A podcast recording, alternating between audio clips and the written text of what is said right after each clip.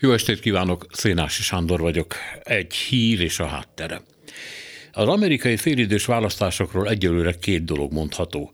Az egyik, hogy a képviselőházat valószínűleg elviszik a republikánusok, míg a szenátus még billeg. Sőt, a mostani 48 demokrata és 47 republikánus helyosztó esetében az előbbieknek csak kettővel több mandátum kell, a republikánusoknak viszont négy, mert 50-50 százaléknál ezután is eldöntheti a szavazást Kamala Harris halelnök.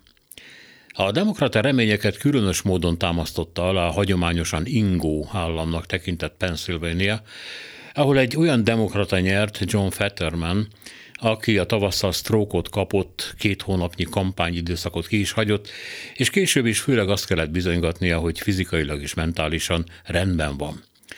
Ellenfele dr. Mehmet Oz volt, a tanácsaival tévén keresztül gyógyító celeb, aki ebbeli minőségében egészen vakító hülyeségeket szokott beszélni, de hát, mint tudjuk, ez ritkán számít. Viszont Oz Trump jelöltje és támogatottja, tehát a veressége és annak körülményei, mondjuk ellenfelének hátrányos helyzete, egyben a volt elnök veresége is.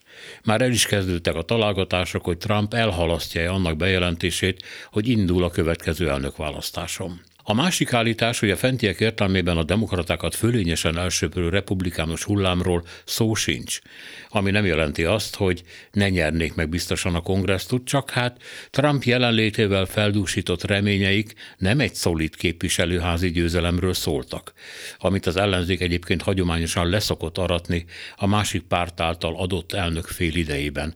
Magyarán, ha az elnök republikánus, a demokraták jönnek fel, és viszont. Itt volt Trump, sőt ott is volt, meg amott is, meg mindenütt, ahol sok ezer ember előtt kampányolni kellett. A párt mágikus erőközpontjának számított, aki úgy szaporítja meg híveit, ahogy Jézus a kenyeret és a halat. És nem.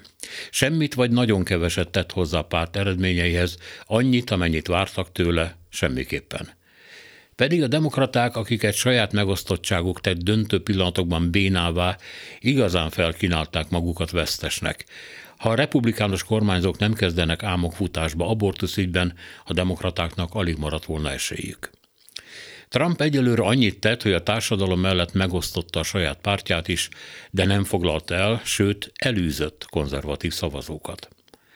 Hogy ebből a jövőre nézve mi következik, nem tudjuk, hiszen még az is jövő, hogy mi lesz a választások végeredménye, ami konkrétan a szombatot jelenti. Így első vázlatban a trumpizmusból most ennyi látszik.